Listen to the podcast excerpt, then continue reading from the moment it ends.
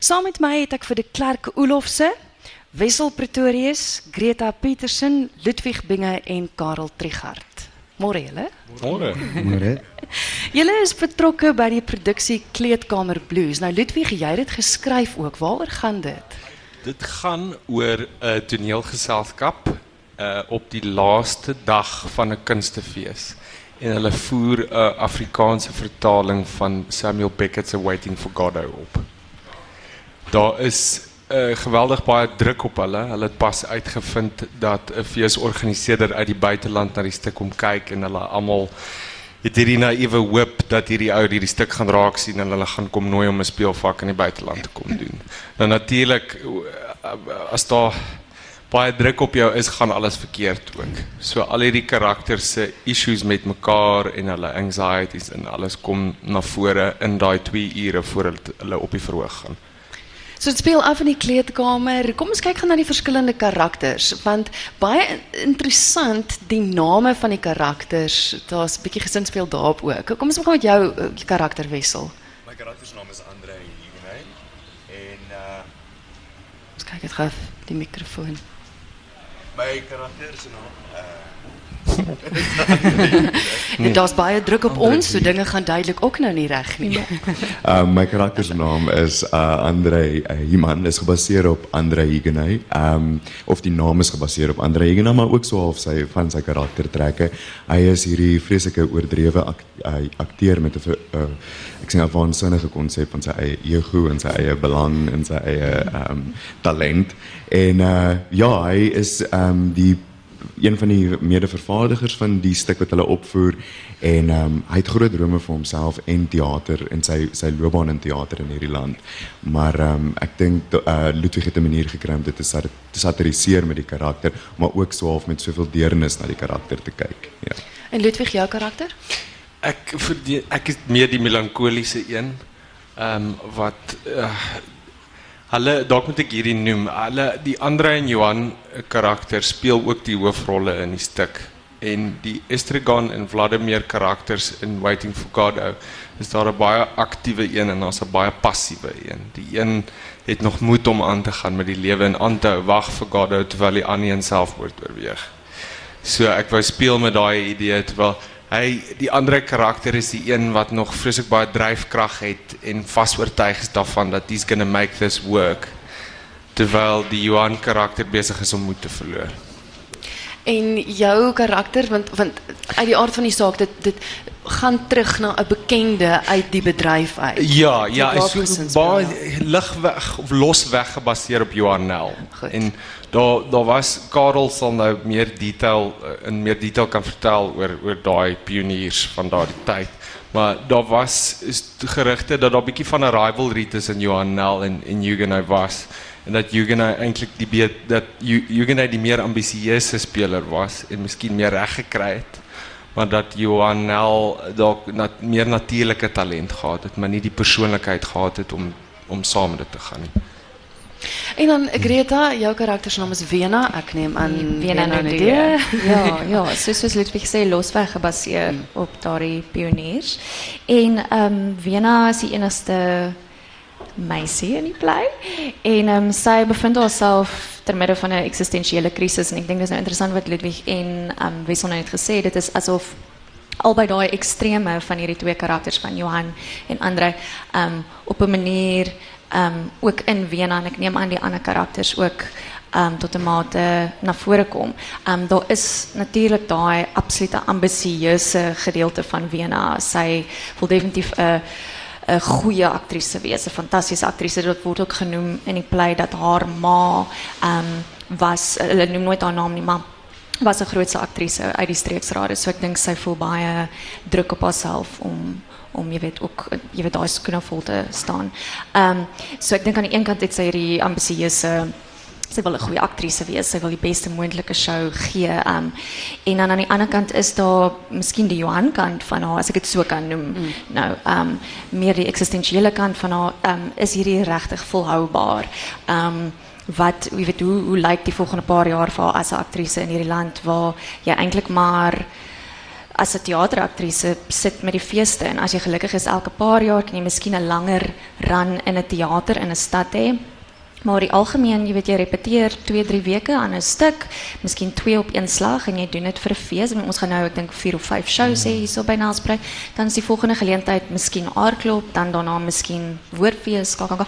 Wat doen jy intussen en en is dit volhoubaar? Ehm um, jy weet as 'n vryskut aktrise en dan ook of akteur en dan ook die emosionele kant wat saam met dit gaan. Ek meen jy jy kloof jouself so oop eintlik. Jy maak jouself so um, as ek die woord vulnerable kan gebruik. Ehm um, as jy hierdie stukke doen, as jy op die verhoog is en en die omstandighede is dikwels ver, verskriklik uitdagend. So ehm um, jy het nie noodwendig dis nie meer daai daai tipe bureaukrasie waar jy noodwendig net kan fokus om aktrise te wees nie. Ja. En dit is ook goed so. Ehm um, jy weet want jy leer van verskillende ehm um, as ek het ja, ik kan zeggen, maar avenues van, van, die, van die bedrijven van, je weet, om, om een stuk op je vrucht te krijgen. Um, so ja, ik denk zij, excuse, is een vreselijke langdradige manier om net te zeggen, zij, zij wonder regtig wat doen sy nou eintlik met haar lewe? Sy is lief hiervoor, maar is sy lief genoeg hiervoor om dit vir die res van haar lewe te doen? Um ja. De Klerk, jouw karakter? Ehm um, so ek speel Hendrik wat uh, losweg gebaseer is op Hendrik Doemane kom. En ehm meeste van die goed wat mens oor hom kan lees of as jy met mense praat oor hom is word hy beskryf as 'n dierbare mens. En uh, die Hendrik in ons stuk is ook 'n dierbare mens. Uh verskriklik positief. Maar ehm um, ek dink wat hom anders maak as die ander ander in die stuk is die feit dat hy is verskriklik lief vir wat hy doen. Hy wil niks anders doen nie, maar dit sy werk definieer hom nie as 'n mens nie hy kan 'n mens buite hierdie kleedkamer wees wat wat vol emosies kan ervaar en hy ervaar baie emosies wat die ander in die stuk dikwels miskyk omdat hulle so besig is om te vroeg in hulle eie is. Mm. En uh, ja, dit is hy. en dan Karel, jou karakter. Ludwig het baie slim en treffend die hele geskiedenis van die ou uh manne wat die pad geloop het met die klomp verweef. En dan dink ek stel Goed. Ek kry net mikrofone. Dankie. en ehm um, Paul uh, Paul de Groot is dan die baie ouer akteur wat saam met hierdie jonge speel en hy bring baie van die ou geskiedenis in van die rade en van hoe hy gespeel het, waar hy gewoond is ensovoorts maar hy het 'n baie ernstige dimensieprobleem, daar is geheueprobleme en dit word op 'n stadium 'n geweldige konfrontasie tussen hom en twee jonger spelers wat dan ehm uh, eintlik begin hy geweldig uit Shakespeare kwoteer hoewel hy 'n probleem het. Dink ek ook daar is baie treffend Ludwig die Shakespeare aanhalings as 'n kontrapunt, 'n kommentaar amper soos die nar in leer wat hy lewer op die op die mense wat waaroor dit gaan en waar dit speel. En hy het 'n geweldige verlange dat iets is hom en sy dogter Ella gebeur. Ons weet nooit waaroor nie. Dit bly 'n groot vraagteken oor sy hele loopbaan in 'n stuk. En hy hy word nou verkeerdelik ingelig dat sy die aandag gaan wees wat hom geweldig opgewonde maak. En dan moet hulle maar kom kyk kom sy of kom sy nie Wag vir die volgende episode. dis dis verskriklik interessant. Dit voel vir my soos 'n greep uit die regte lewe uit want dis verskriklike relevante kwessies wat aangespreek word. Ek meen jy het nou vertel Greta van van die feit dat jy weet daar's da, nie genoeg werk nie. Jy leef van fees tot fees. Mm. Dis 'n realiteit waarmee die bedryf sit waarvan ek dink min mense bewus is. Karel, jy was nou deel van die streeksrade destyds. Plus jy was vir lank vryskut geweest. Jy het nou beide beleef. Ek dink ek dink die dit kom baie mooi uit want hy verwys aan die einde dat ons is terug by 'n nuwe begin. Mm. En inderwaarheid op 'n ander manier is die jong spelers weer op die stofpad. Hulle begin weer 'n pad te loop, weer hopelik na waar die druk die kunsterade op 'n hoogtepunt geëindig het waar so geweldige register van die uitvoerende kies, die totale register gedek is. So ek dink dit is baie mooi die uitdagings wat voorlê wat die jong mense moet konfronteer en hulle moet hard werk om daarbey uit te kom. sien julle dit as uitdagings of maak dit julle moedeloos? Albei. Ja, dit hang maar wat se dag jy my vra. En vandag nee, vandag omdat ek hierso is en omdat dit die son skyn en omdat ek in 'n plek is en ek word daarvoor betaal. Ehm um, kan ek sê dat ek is ek sien dit as 'n uitdaging wat ek moontlik kan bereik.